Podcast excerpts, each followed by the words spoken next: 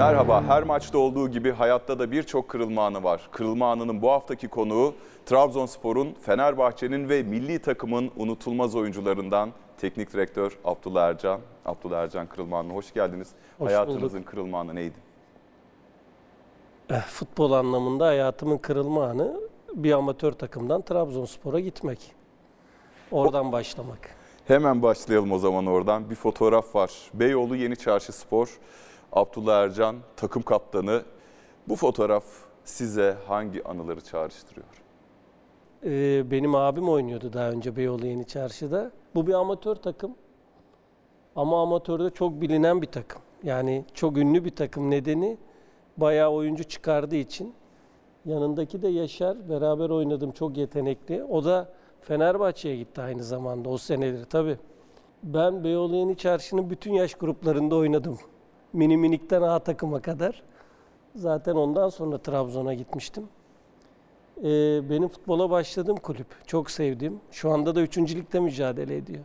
Hocam e, Trabzon'a gidiş hikayeniz, bu da o takım kadrosu. Evet. Şimdi İstanbul'da birçok kulüp var. Sadece Fenerbahçe, Galatasaray, Beşiktaş değil hatta Taksim'de doğma büyüme, Kasımpaşa'sı var. Doğru. E, neden Trabzonspor bu transfer nasıl gerçekleşti? Ya şöyle, e, neden Trabzonspor? Ben genç milli takıma gitmiştim.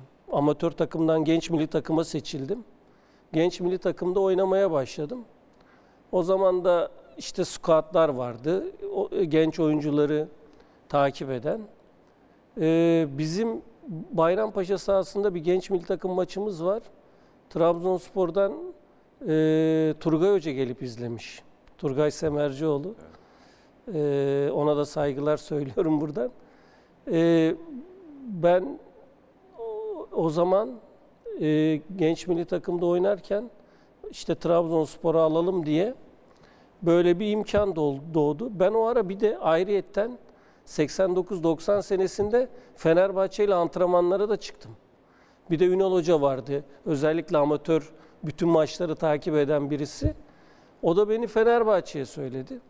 Ben o e, Fenerbahçe'nin 103 gol attığı kadroda antrenmanlara çıktım 5 ay kadar. 5 ay kadar ve Ve olmadı anlaşma. E, o zaman bir genç oyuncunun Fenerbahçe'de oynaması çok zordu. Yani genç oyuncu süre alamıyordu. E, biz Taksim'de büyüdüğümüz için biraz önce senin söylediğin gibi Taksim'de e, çok Trabzonlu vardır.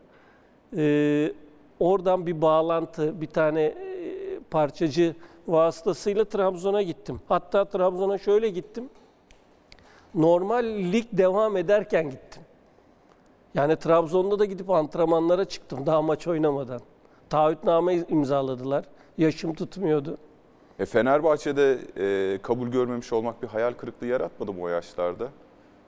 Ya yok. Yani 5 ay az bir süre değil çünkü iki antrenman değil. Yok hani oldu oluyor. Veselinovic'in şeyleri var, demeçleri var. Bu iki sene sonra 5 milyar eder bu oyuncu alın diye.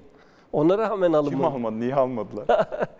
Ya o zaman kimdi başkan? Metin Aşık'tı Metin. zannediyorum. Rahmetli. Allah rahmet eylesin. Va- Valla babam görüşmeye gitti. Benim babam Arnavut. Çok ters bir adamdır. Mutlaka bir şey olmuştur. Yani ne olduğunu bana da söylemedi açıkçası. O e, Fenerbahçeli olmuş olsaydınız baştan itibaren sizce ne değişirdi hayatınızda Trabzon'a gitmeseydiniz? Valla şöyle bir şey söyleyeyim. Ee, Trabzon'a gitmekle doğru yaptığımı söyleyebilirim. Neden? Çünkü Fenerbahçe'ye gelen oyuncu o zamanlar hepsi isimdi. Oynamam çok zordu. Doğruları söylemek lazım. Trabzon'a gittim. Trabzon'da biraz emekleme dönemi yaşadım ama süre aldım. Özellikle e, başlayan ligin ikinci devresinde. Evet, e, ya Fenerbahçe'ye gitseniz büyük ihtimalle Şenol Usta Ömer'in eski bir Trabzonspor'un yedeği olarak da Olabilirdim. belki. Belki, de olamayabilirdim. Bilmiyorum Evet. tabii. E, peki şimdi İstanbul'dusunuz, genç yaşta Trabzon. Zorlanmadınız mı Trabzon'da? Bir anımı anlatayım. 10.45 uçağıyla gittim Trabzon'a. Saat 3'te babama telefon açtım. Baba ben geri geliyorum dedim. Yani yapamıyorum dedim. 17 yaşındayım. İlk kez evden uzaklaşıyorum. Babamın cevabı ben söz verdim orada kal. O söz üzerine 9 sene Trabzon'da kaldım. Bayağı bir sözünüzü iyi tutmuşsunuz. Evet, aynen. 9 sene. Şimdi bir gazete kupürü var. 25 Ağustos 1992'de oynanan Bulgaristan maçı sonrasında, Ümit Milli maçı sonrasında yapılan bir haber. Genç milli takımlar seviyesini geçen Abdullah, Ümit milli takımında Fatih Terim'in gözdesi Bulgaristan maçında attığı frikik golüyle galibiyetimizi sağlayan Abdullah için hem Piontek hem de Fatih Terim geleceğin futbol yıldızı olacak diyor demiş. Şimdi kariyerinizde kaç frikik golü var? İlki bu mu? Yok ilki bu değil. Zaten attığım gollerin en az yarısı frikiktendir. Öyle yani mi? bayağı e, herhalde bir 10-15 tane vardır resmi maçlarda attım. Frikik golü. Ligde Evet. çok fazla değil ama. Yok zaten oynadığım takımlarda genelde frikikçiler olduğu için bize sıra gelmiyordu. Ya, Trabzon'da o dönemde atmanın imkanı yok herhalde. Trabzon'da yok. Hoca. Zaten Fener'de de dokunamıyorduk topa. Trabzon'da Hami vardı. O Fener'de. Malatya maçında nasıl dokunabildiniz? iki frikik golü attınız. O zaman şey yoktu. Ee, sakattılar frikikçiler. Rafajic. Ee, onlar yoktu. o zaman ben attım iki tane. E, daha fazla olmamasını herhalde takım yapısıyla Ya sevgili Yemek ben nasıl oldu biliyor musun? Ben Beyoğlu Yeni Çarşı'nda ofansif 10 numara oynuyordum.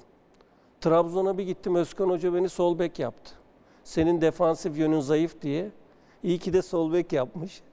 Yani ben normalde ofans bir oyuncudan savunma bir oyuncusuna devrilen biriyim.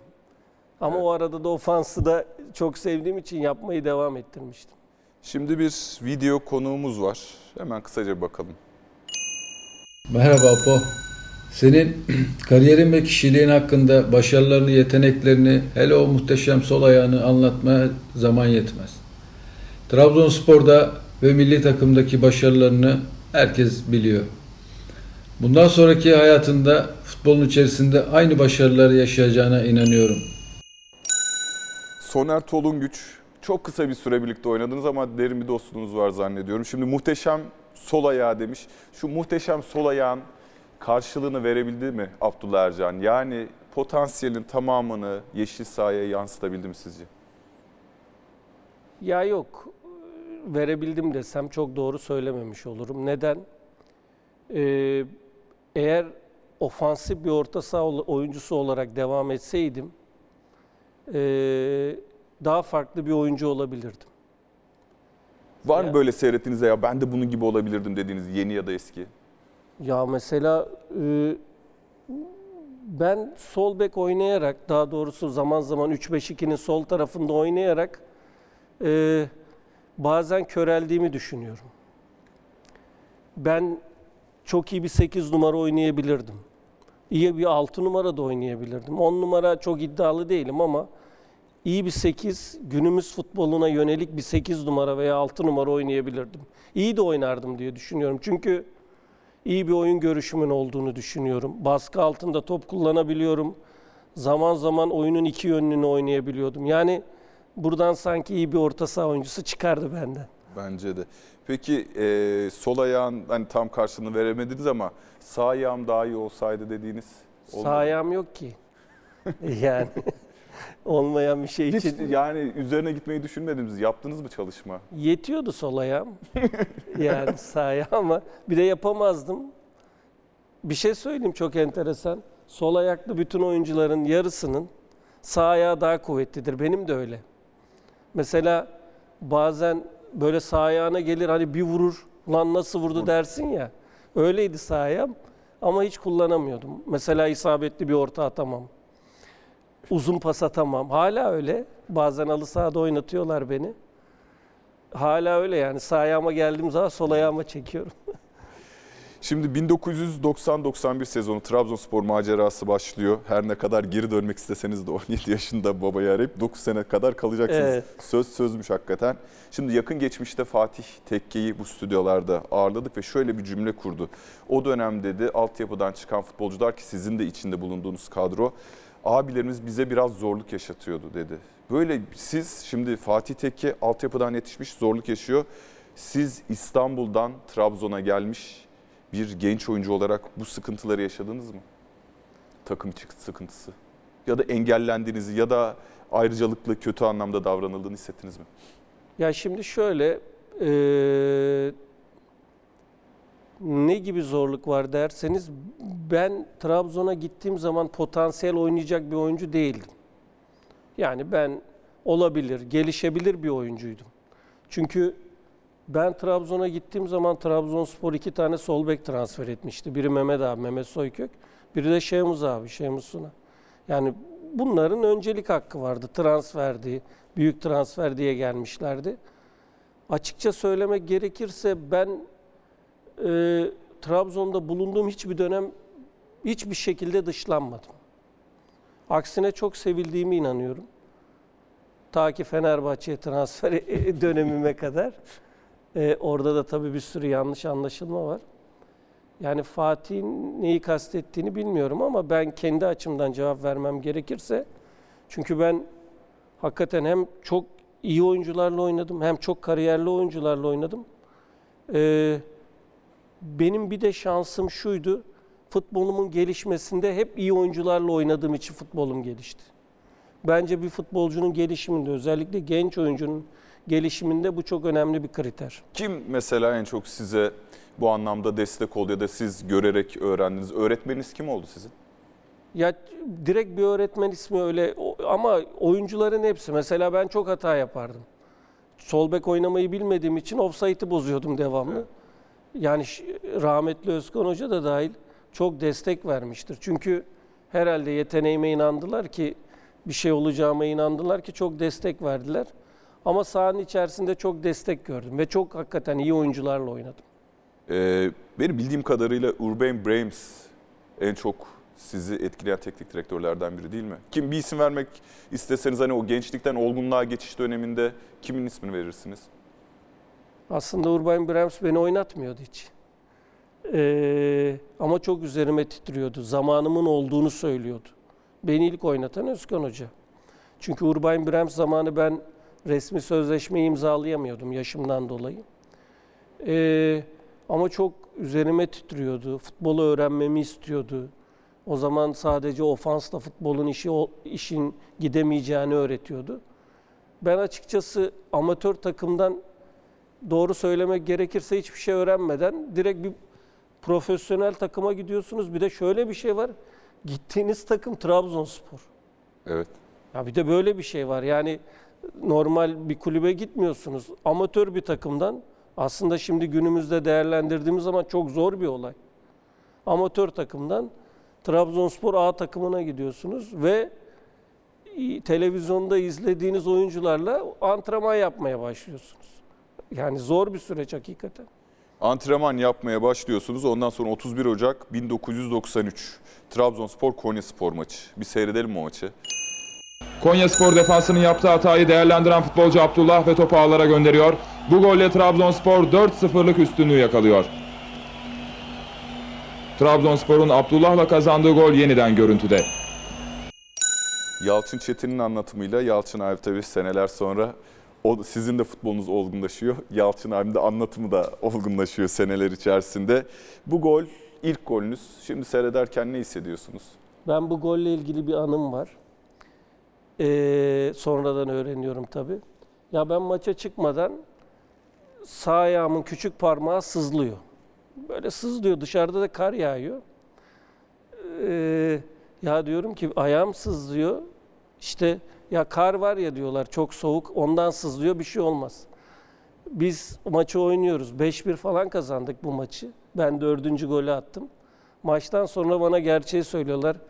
Benim küçük ayağım kırıkmış, küçük parmağım. O- onu öbürüne bağlamışlar, öyle oynatmışlar beni. Bu maçla ilgili bir anım da oydu, çok enteresan. Ee, orta saha oynuyordum o zaman. Trabzonspor'da 3-5-2 oynuyorduk. O zaman orta saha oynuyordum, daha çok ofansa çıkıyordum. Öyle bir pozisyon. Bu ilk attığım gol. Evet. Trabzonspor'dayken çok mutlu olmuştum. Çünkü neden çok mutlu olmuştum? Geçen iki sene hep yarım yamalak oynamıştım ama artık ilk 11'in iyi bir oyuncusu olmaya başlamıştım. 92-93 sezonu mudur? Oldum dediğiniz sezon. Hangi sezon?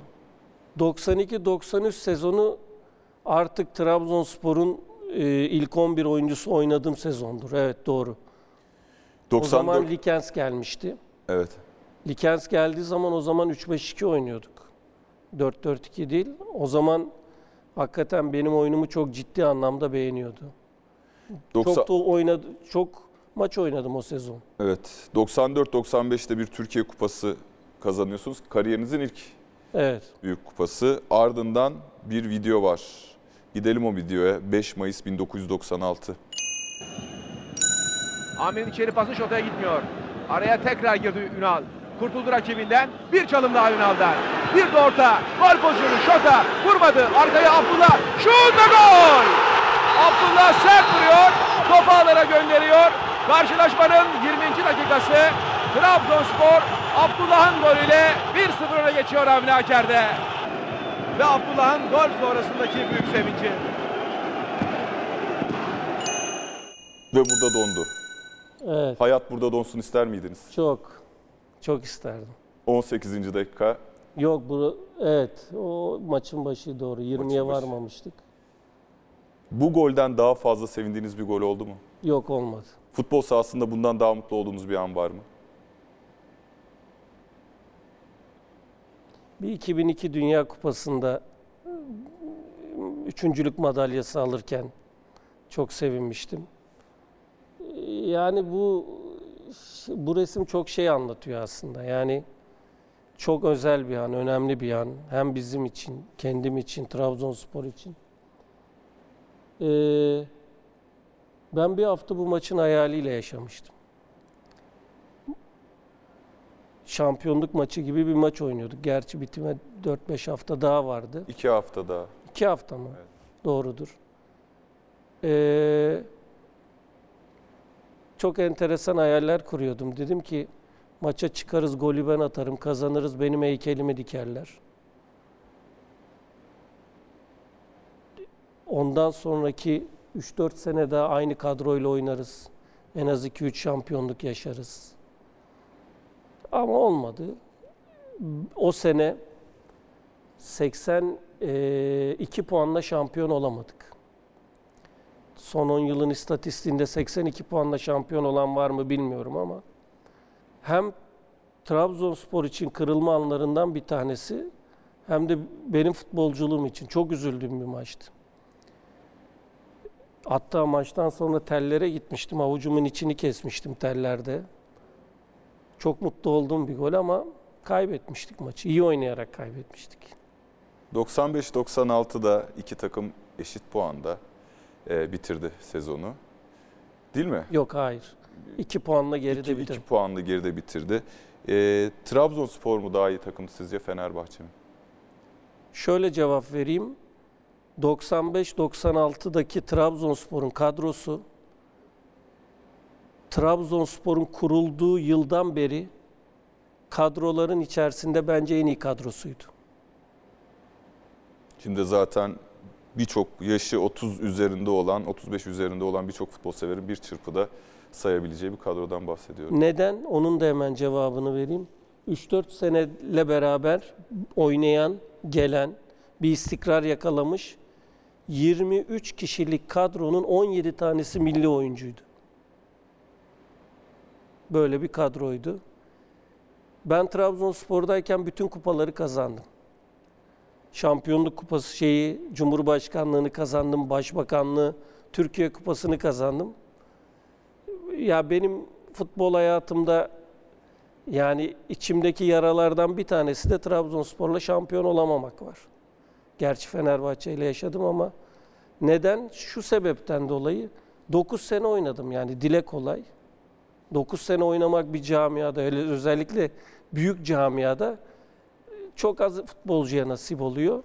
Eğer ben e, Trabzonspor'da futbolcuyken şampiyon olabilseydim en mutlu insanlardan biri olurdum. Fenerbahçe ile şampiyonluk onun yerine geçmedi mi hocam? Ya geçmedi değil, e, şöyle demek lazım. E, Trabzonspor'a daha çok emek verdim.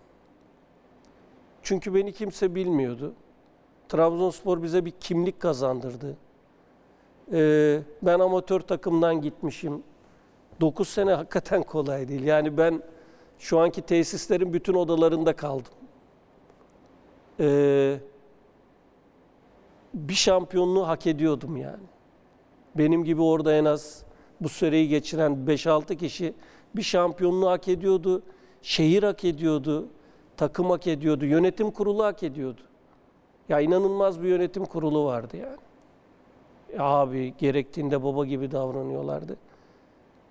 Ya inanın yani o senelerde bir şampiyon olabilseydi Trabzonspor 96 ile 2000 yılları arasında Galatasaray'ın yaptığı 4 seneyi yapabilecek kadrosu vardı. Muhtemelen sizin de kariyerinizde bir Fenerbahçe olmayacaktı o zaman. Muhtemelen.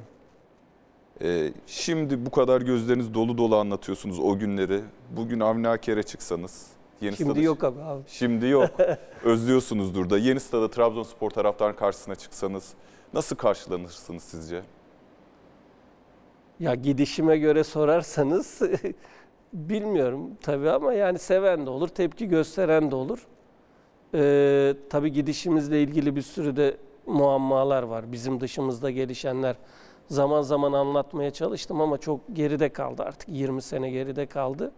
Ama ben şöyle söyleyeyim, sevenimin daha çok olacağını düşünüyorum. Şimdi eee 7 Haziran 1999 NTV haberi. Abdullah Ercan Fenerbahçe'ye imza atıyor. Fenerbahçe ile geçtiğimiz hafta anlaşan Abdullah kendisini sarı lacivertli yapan imzayı attı. Kalabalık bir basın grubu tarafından izlenen imza töreninde Başkan Aziz Yıldırım transferi gerçekleştirdikleri için mutlu olduklarını söyledi. Abdullah Fenerbahçe'den 2 yıllığına 1 milyon dolar alacak. Abdullah imzadan sonra düzenlediği basın toplantısında Fenerbahçe ile 1990 yılında daha 18 yaşındayken anlaşmak üzere olduğunu ancak transferin gerçekleşmediğini söyledi. Geçen 9 yılın ardından kan değişikliğine ihtiyacı olduğunu ve paradan daha çok manevi hazlar yaşamak istediği için Fenerbahçe ile anlaştığını söyledi. tek düze giden hayatı biraz yukarıya doğru tırmandırmak en büyük amacımız. Çünkü açıkçası biraz kendimizi zorlamanın zamanı geldi. Böyle değerlendiriyorum. Abdullah daha sonra sarı lacivertli formayla basın mensuplarına poz verdi. Samsun'da antrenörlük kursunda olan o günün ise imzayı yarın öğle saatlerinde atması bekleniyor. Hocam paradan daha çok manevi hazlar demişsiniz.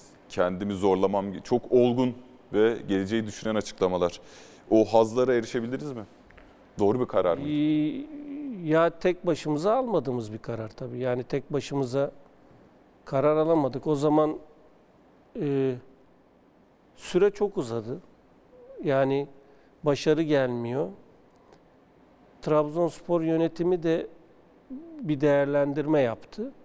İşte o gün de bizi e, kadroyu değiştirmeye, farklı oyuncuları transfer etmeye başladılar. Ya bizi de istemiyorlardı da git de diyemiyorlardı açıkçası ama istemiyorlardı. Yani kadro değişimine gitmişti. Neden istemiyorlardı? Şimdi böyle, bu tür kadro değişimlerinde o takımın iki önemli oyuncusu Ogün ve Abdullah ki bu stüdyolarda konuk ettik. Ogün Temizkanoğlu da kendi kuşağının en iyi oyuncularından birisi ve liderlik vasıflarına sahip sizin gibi bir oyuncu. Bu yani bu 95-96'daki başarısızlığın gölgesi, başarısızlık da demek istemiyorum. Kaybedilen şampiyonluğun gölgesi mi acaba? Siz Ya yüzünüz mü eskidi belki Trabzon taraftar nezdinde? Ya yüzümüzün eskidiği kesin. Onlar böyle bakıyordu. Biz de orada sonlandırabilir miyiz diye kariyerimizi düşünüyorduk.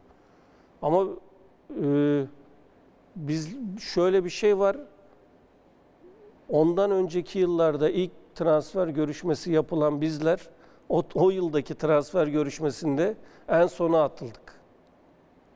E bizi de isteyen var. Ee, daha çok ayrıntı var ama tabii e, bunu değerlendirmek zorundaydık. Ekonomik anlamda da değerlendirmek zorundaydık. Sportif anlamda da değerlendirmek zorundaydık. Belki böylesi daha hayırlı olacak diye düşünüyorduk. Çünkü e, hakikaten yavaş yavaş ciddi anlamda e, takım değişsin, farklı oyuncular gelsin. Bu kadro misyonunu doldurdu ki bizden önce ayrılan bir sürü arkadaşımız oldu. İşte Ajax'a gitmişti Şota, Ünal abi ayrılmıştı. Tolunay gitmişti zannediyorum Galatasaray'a. Yavaş yavaş takım e, dağılıyordu. En son zaten ikimiz kaldık o günle biz. Öyle bir e, olumsuz şey gelince e, biz de bunu değerlendirmek istedik açıkçası. E, Fenerbahçe de bizi istiyordu. E bizim için de yeni bir sayfa olur. Orada demek istediğim oydu. Yani yeni bir sayfa olur. Tekrar yeni bir heyecanla futboldaki e, olayımıza devam ederiz diye öyle bir transfer oldu. Hocam Fenerbahçe'ye gidiyorsunuz ama Fenerbahçe'de de işler pek istediğiniz gibi Evet. başlamıyor. Yani Fenerbahçe tarihinin aslında yakın geçmişte daha sorunlu bir sezonu var ama 99-2000 sezonu sizin gelmenizin ardından e, zor geçiyor. Bir Pendik e, yenilgisi var. O isimle hatırlanıyor o sezon. Ya o gün hocayla o günler yaşanırken biz geldik de nereye geldik dediniz mi hiç? Hiç beklediğiniz gibi manzara değil tahmin ediyorum. Nereye geldik hiç demedim. Yani nereye geldiğimizi biliyordum açıkçası. Yani ne kadar büyük camiaya geldiğimizi biliyordum ve beklentinin ne olduğunu biliyordum. O sene eee, çok önemli bir kadro kuruldu. Eee, biz o sene üç tane oyuncu hoca değiştirdik. Rıdvan Hoca ile başlamıştı. Daha sonra Zeman ve Turan Hoca ile devam etmişti. Ama bir uyum şeyini tutturamamıştık. Kadro aslında kadronun bireysel olarak çok yetenekli oyuncuları vardı ama sahanın içindeki uyum konusunda büyük sıkıntı çekiyorduk. Yoksa bireysel anlamda çok ciddi anlamda oyuncu transfer edilmişti ve kötü bir sezon geçirdik. Ee, ben o sene menüsküs olmuştum. Altıncı falan bitirmiştik. Ciddi anlamda Fenerbahçe'ye yakışmayan bir sezon geçirmiştik. Ee, zaten o sezon sonunda şey oldu, değişiklik oldu. Mustafa Hoca gelmişti bir sene sonra. Mustafa Evet. Denizli gelmişti. O zaman oraya doğru geçelim. Bir videomuz daha var. 2000-2001 sezonu sonu. Şampiyonluk yaşamak istedi. Fenerbahçe'ye geldi ve yaşadı. 18 numara Ercan.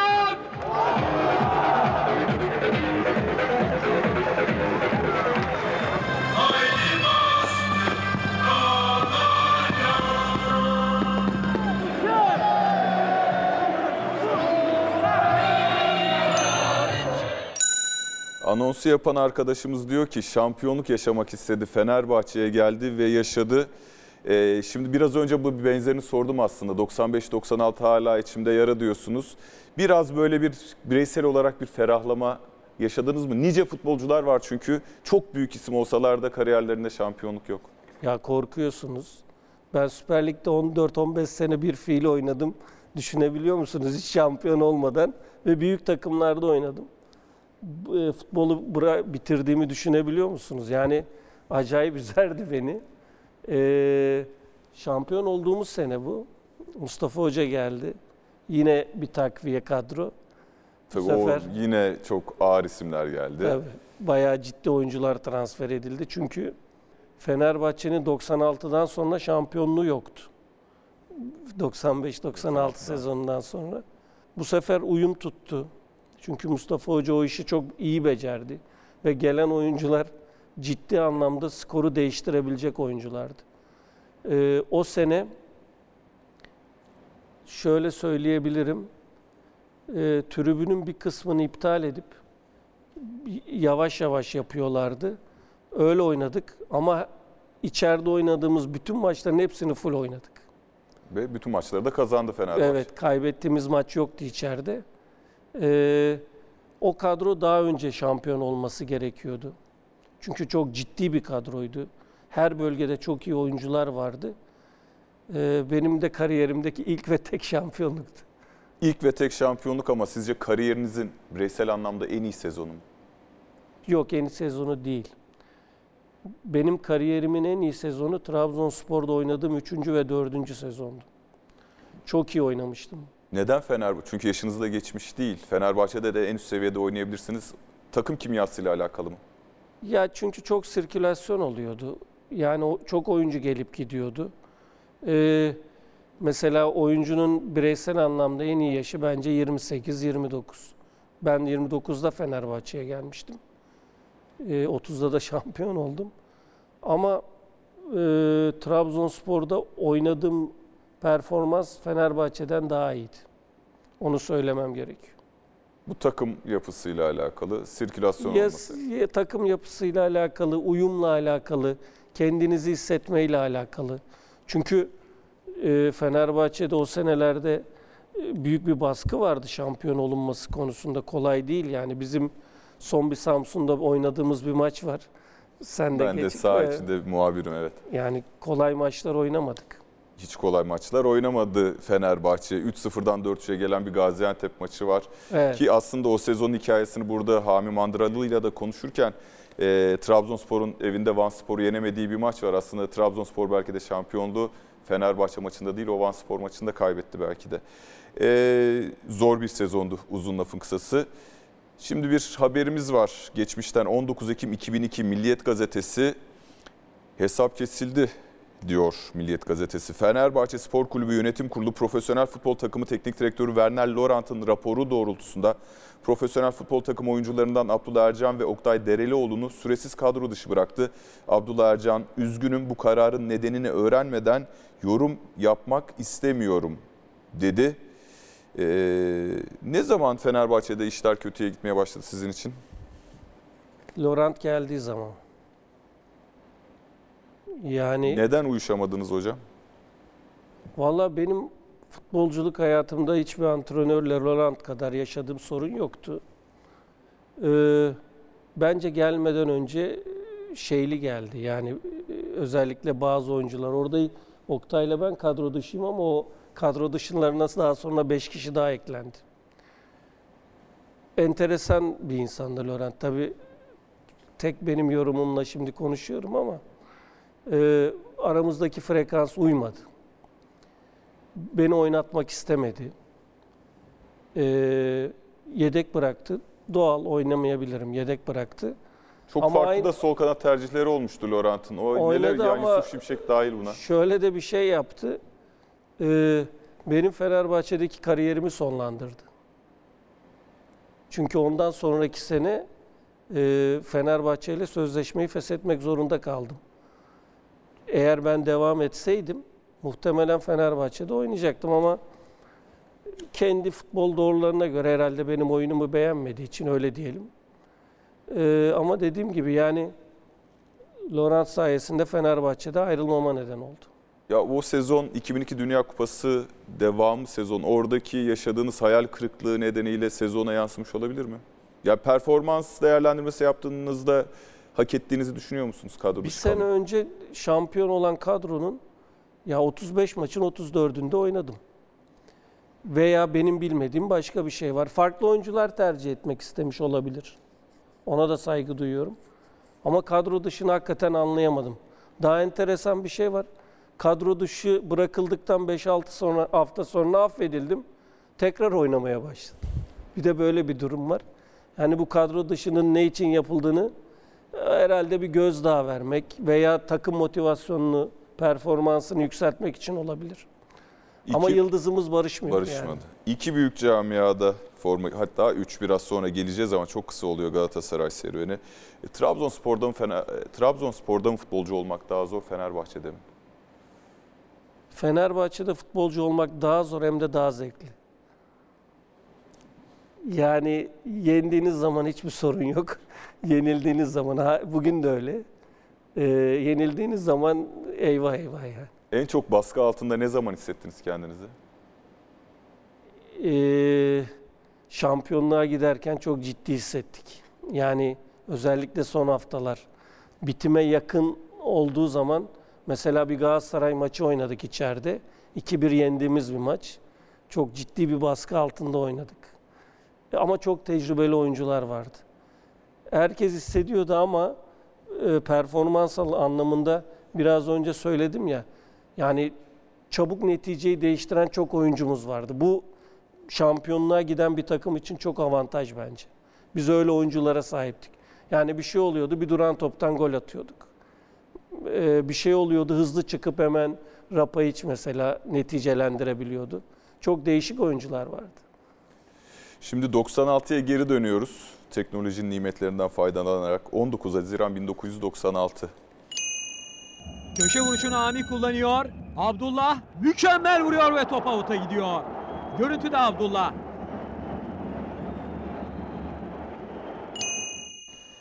Danimarka maçı bizim için aslında büyük bir gurur. Avrupa Şampiyonası'nda ilk defa yer alıyoruz ama grup maçlarının sonunda 3'te 0 golümüz dahi yok. En çok yaklaştığımız anlardan birisi de bu. Aslında Hırvatistan maçında belki puan alabilirdik. Orada da işte e, Vlahovic'in attığı gol var. Çok konuşulan.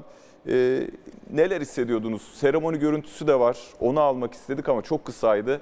Bu vuruş da benim aklımda kalmış. Yani bu da çok denediğiniz aslında. Siz zannediyorum Hami Hoca'ya böyle toplar atardınız Trabzonspor'dayken. Bu kez Bu size servis ba- taktikti. Yani e, ceza sahası dışından yapılan şey ortaya ceza sahası dışından şut atma amili takımda belirlenen bir taktikti. Fatih Hoca'nın taktiğiydi. Hamit Altıtop böyle bir gol atıp Puşkaş'ı kazandı. Korner. Doğru şeyde galiba Kazakistan'da, Kazakistan'da doğru evet. Puşkaş'ı kazandı. 90 senesinde yukarıya giden bir Türk milli takım grubu var. Yaklaşık 10 sene Türk futboluna hizmet etti. Ben de bu grubun içerisindeki oyunculardan bir tanesiyim.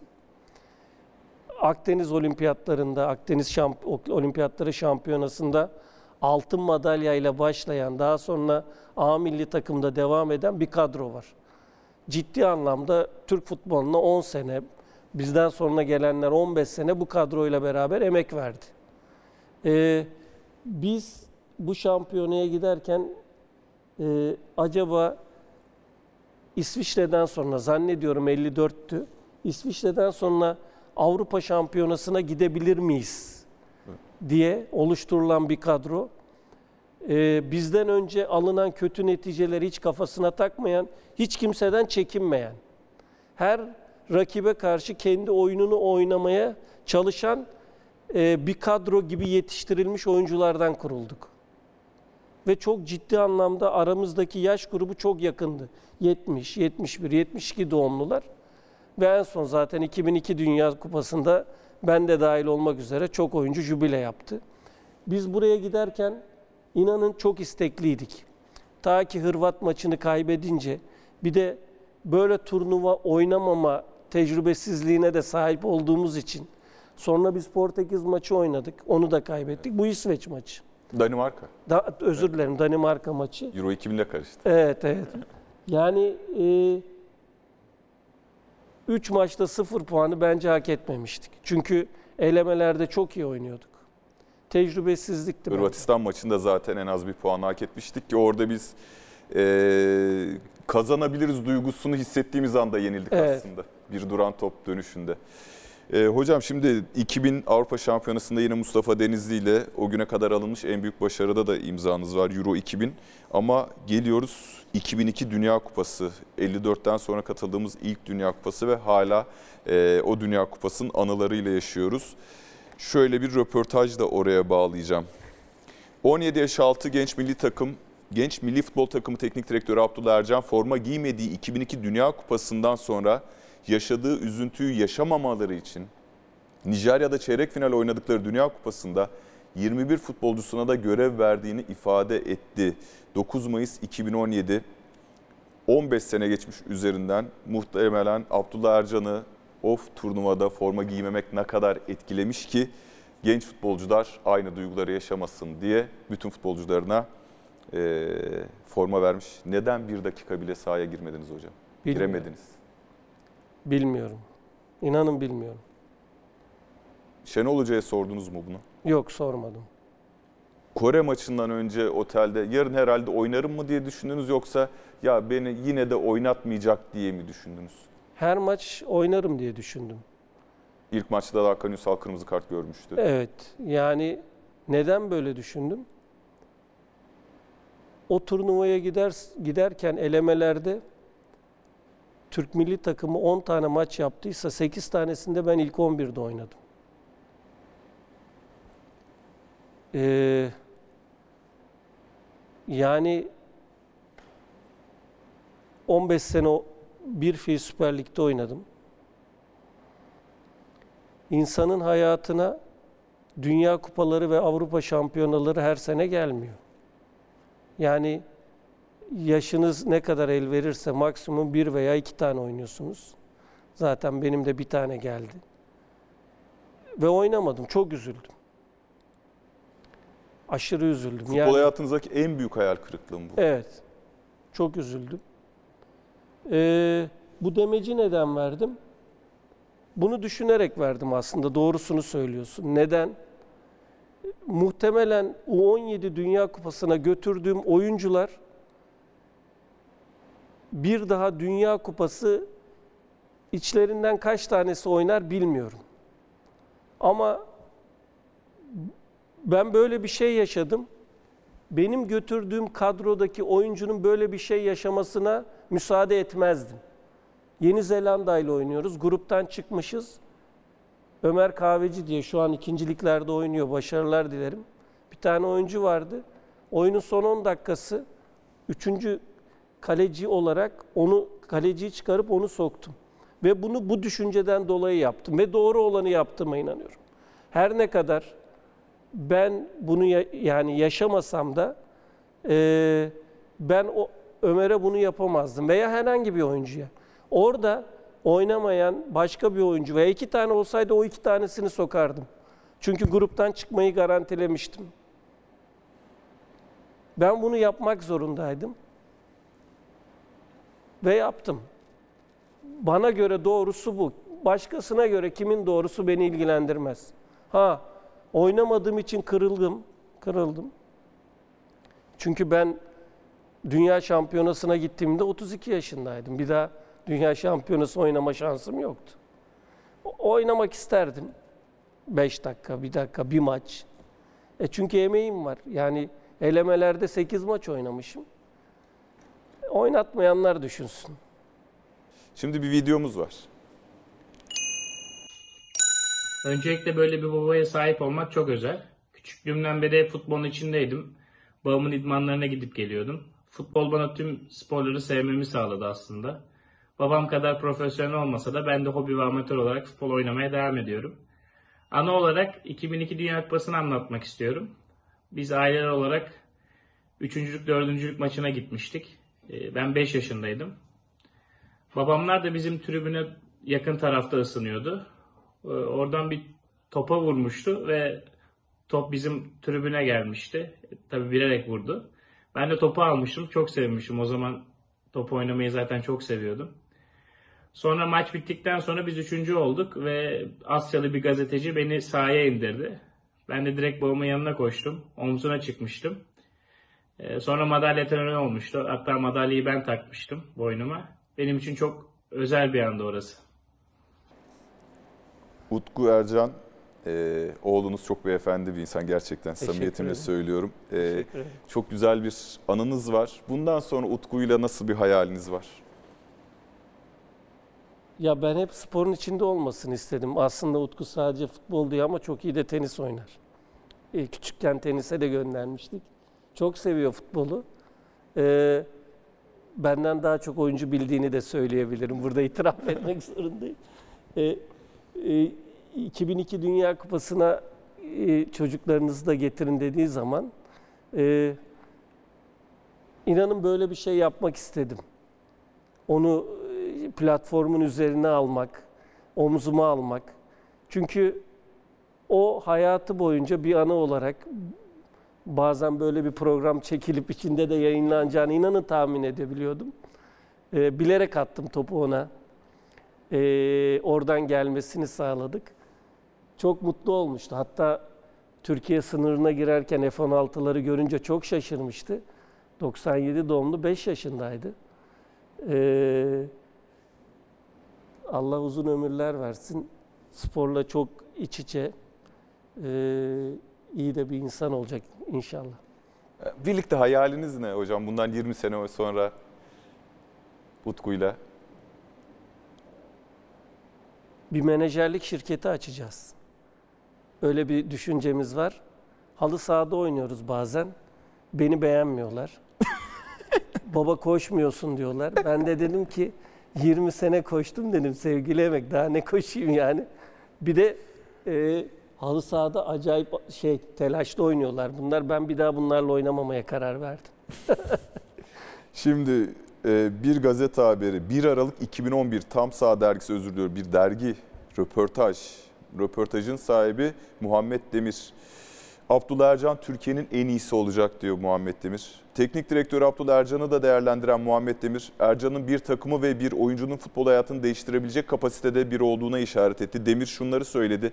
Bence ileride Türkiye'nin en büyük antrenörü olacak. En iyi antrenörlerinden biri demiyorum, en iyisi olacak. Futbol bilgisi ve uygulaması inanılmaz.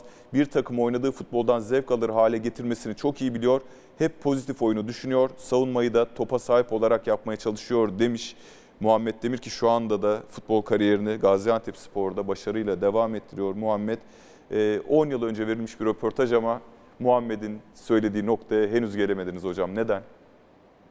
tercih yanlışları yapıyorum. Ee, şöyle bir şey oluyor.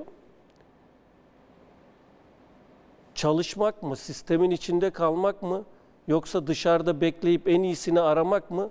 Oralarda tercih yanlış yapıyorum maalesef. Ee, yoksa deneyim, yetenek açısından bir sıkıntım olduğunu kesinlikle düşünmüyorum.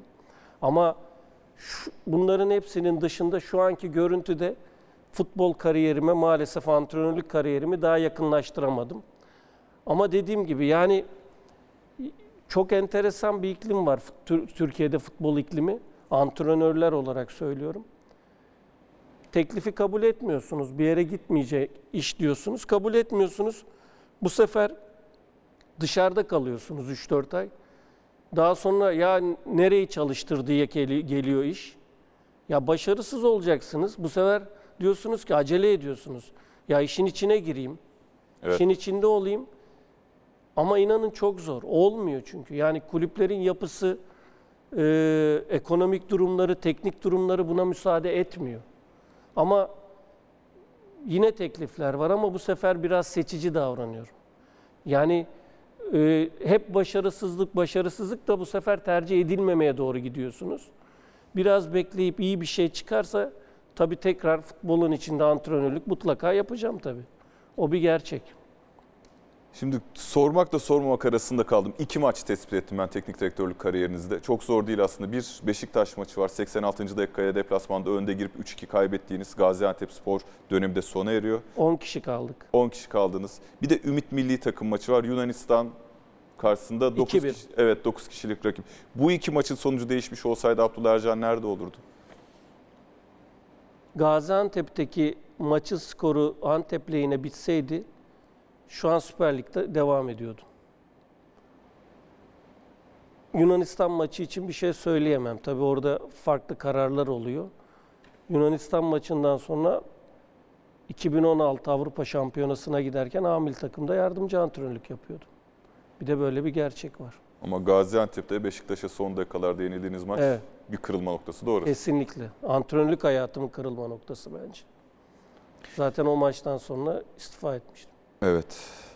Sosyal medya yansımaları. Şimdi kendisinden Hakan Ünsal'ın iyi bir yedeği olması dışında pek fazla şey beklemediğim ama Fatih Terim'in motivasyonu altında takıma çok da yararlı olabilecek sol kanat oyuncusu diye bir e, mesaj var sizinle ilgili. 4 Ağustos 2003 Galatasaray'a transferiniz sonrasında 7 maçlık bir Galatasaray deneyimim var. Hakan Ünsal mı daha iyiydi siz mi? Farklıydık. Farklı oyuncular. Hocam siz Türk futbolunu gelmiş geçmiş en iyi sol beki misiniz? Hayır değil. Kim daha iyi sizden?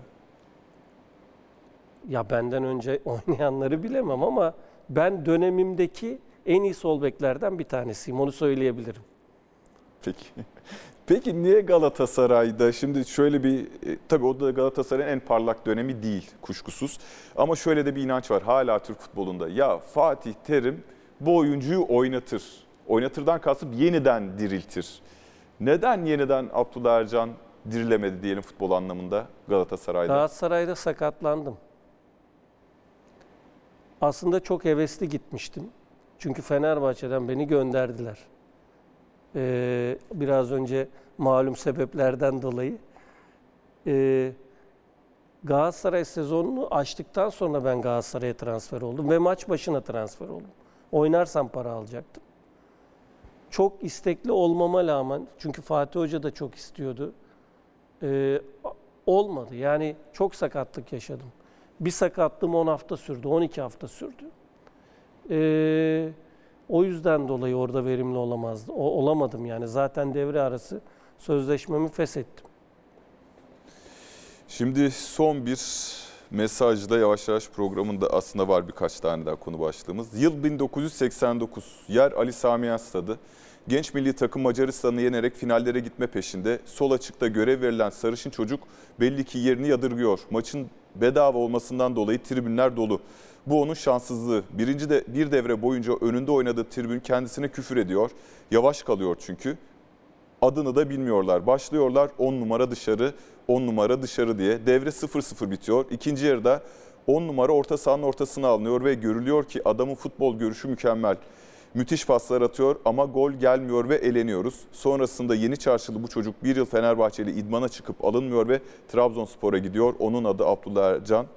Ee, bu maçı hatırlıyor musunuz? Böyle mi gelişti? Evet Macaristan maçı. 0-0 berabere bitti. Küfür protesto sizi çok etkiler miydi hocam? Yani Yok. çizgi oyuncuların hep çünkü en büyük başarısıdır ya. Yok hiç etkilemiyordu. Ee, sol beke gelişinizi Özkan Sümer hocamı sağladı. Ee, sizce futbol sahasında en zayıf özelliğiniz neydi? Gol atamıyordum fazla. Heyecanlanıyordum gol atarken. Yani dikkat edin benim gollerim hep e, uzaktan vuruşlarla oluyordu. E, bir de ben savunma yapmayı çok sevmiyordum ya. Doğruyu söylemek lazım. İnanın yani. Ben antrenörlüğümde de öyle. Ofans oynatmayı daha çok seviyorum. Penaltı kullandınız mı hiç? Yok. Yani gittiğim takımlarda iyi penaltıcılar olduğu için bize sıra gelmiyordu. Seri penaltı vuruşları olduğu maç. Yok. Biz seriye Türkiye Kupası fi- e, yarı finali var Galatasaray Fenerbahçe. Orada yok bana sıra gelmedi. yani. Biz genellikle penaltılara bırakmıyorduk. Ee, şimdi bir görüntümüz var. 20 Ağustos 1996. Ve topu kapan Emsadze bırakıyor Abdullah. Haydi Abdullah, haydi Abdullah şu sıkıntılar bitsin. Abdullah Şota birden hareketlendi ters tarafa. Abdullah vuruyor ve inanılmaz bir gol! Aynı hatayı Abdullah yapıyor. Bakın formayı çıkarıyor. 4-1 oldu karşılaşma. Bu arada o gol karmaşasında Abdullah sarı kart gördü. Sonra ikinci sarı kart ve şu anda Abdullahsız Trabzonspor sahada.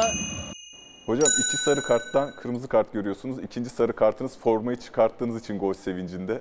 Evet. Bunu nasıl yaptınız? Vallahi ben de bilmiyorum. bir önceki golde de çünkü e, formayı çıkartıyor golü atan takım arkadaşı. O da görüyor sarı kart. Öyle mi? Evet. Vallahi ben yani pozisyonu hatırlıyorum da neden yaptım hatırlamıyorum. Daha amatörce bir hatanız oldu mu futbol sahasında?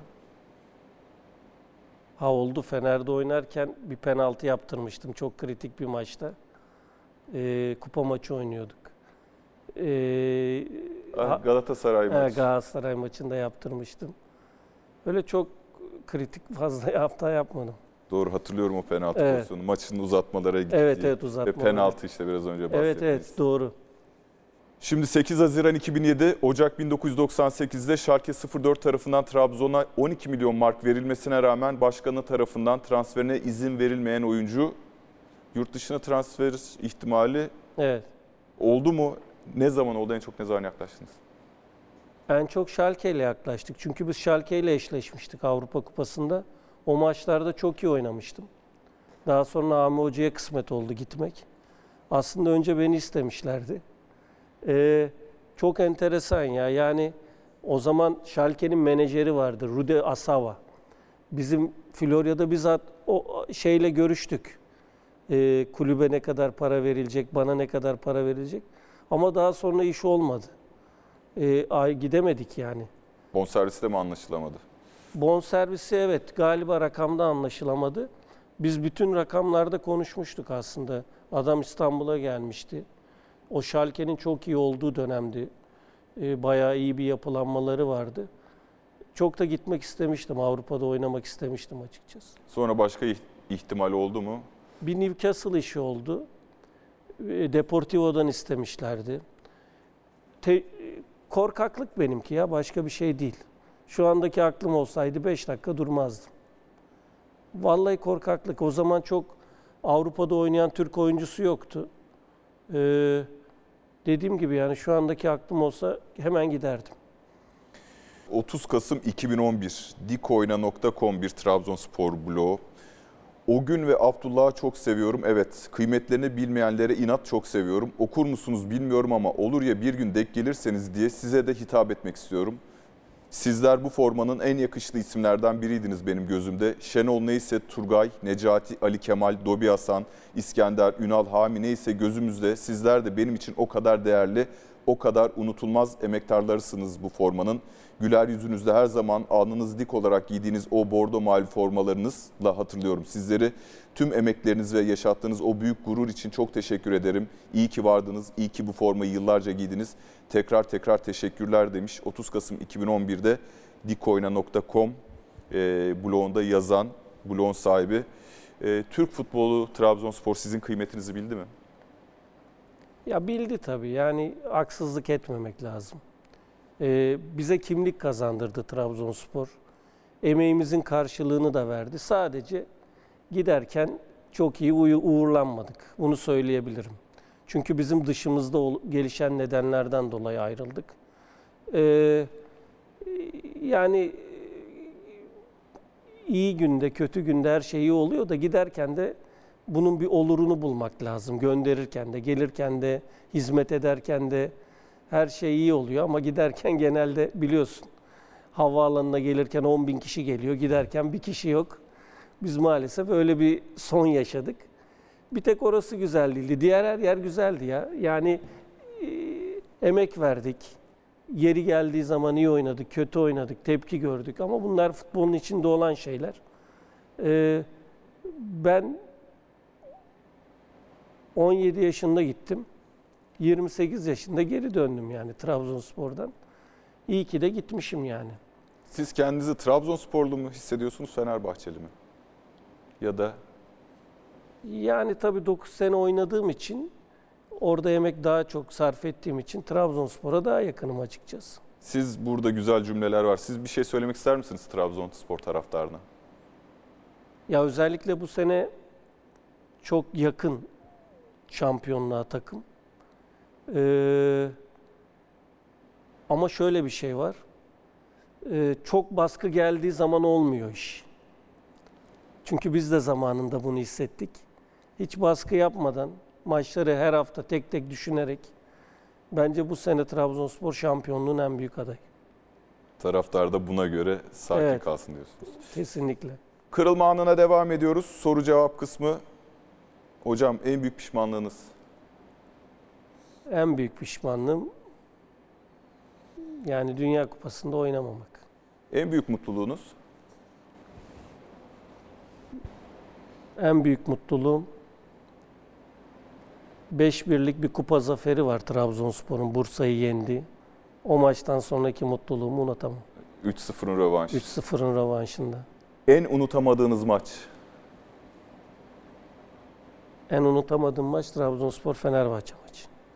Avni Aker'de Fenerbahçeli olmak mı daha zor, Trabzonsporlu mu? Fenerli olmak tabii daha zor kesinlikle. Birlikte oynadığınız en iyi oyuncu? Şimdi eee Ayıp olacak. ayıp olacak. Kime desem Yani çok iyi oyuncularla oynadım. Ya çok ciddi karşılıklı rakip olarak da oynadım. Çok iyi oyuncular var. Yani yabancı da söyleyebilirim, yerli de bazılarına haksızlık da edebilirim. Ama şöyle bir cevap vereyim. Çok yetenekli oyuncular sorarsanız, çok yetenekli yalnız söyleyeceğim. Ee, mesela Şota çok yetenekliydi. Yani gol vuruşu olarak, gol pozisyonuna girme olarak. Ee, mesela e, Rapay çok yetenekliydi. Kesinlikle. Yani inanılmaz yani. Yani e, Fatih Tekke çok yetenekliydi. Hami çok yetenekliydi. Aşırı yetenekli. Bunlar Hacı, Alex, bunlar çok yetenekli oyuncular. Sergen Yalçın. Yani diğerlerine ayıp olmasın ama Birlikte oynadığını sormuştum Ya, ama yani. pek e, tek bir isim çıkmıyor anladım. Son dakika free kick topun başına kim geçsin? Rapaiç mi Hami mi? of. Ee, Yerine göre mi yoksa? ya yerine göre kesinlikle de ya cevap veremem. Peki. yani. Ee, sizi en iyi tanımlayan sıfat? Ya ben çok sakin adamdım yani. Yeri geldiği zaman da gaddardım. Onu da söyleyebilirim. Sevimli yüz diyorlar bana ara sıra işte. En son ne zaman ve niçin ağladınız? Ee, en son Dünya Kupası'ndan geldikten sonra ağlamıştım. Oynamadım diye. Çok üzülmüştüm. Abdullah Ercan Kırılma Anı'nın sonuna geldik. Çok teşekkürler. Ben teşekkür ederim. Gelecek hafta görüşmek üzere. Hoşçakalın.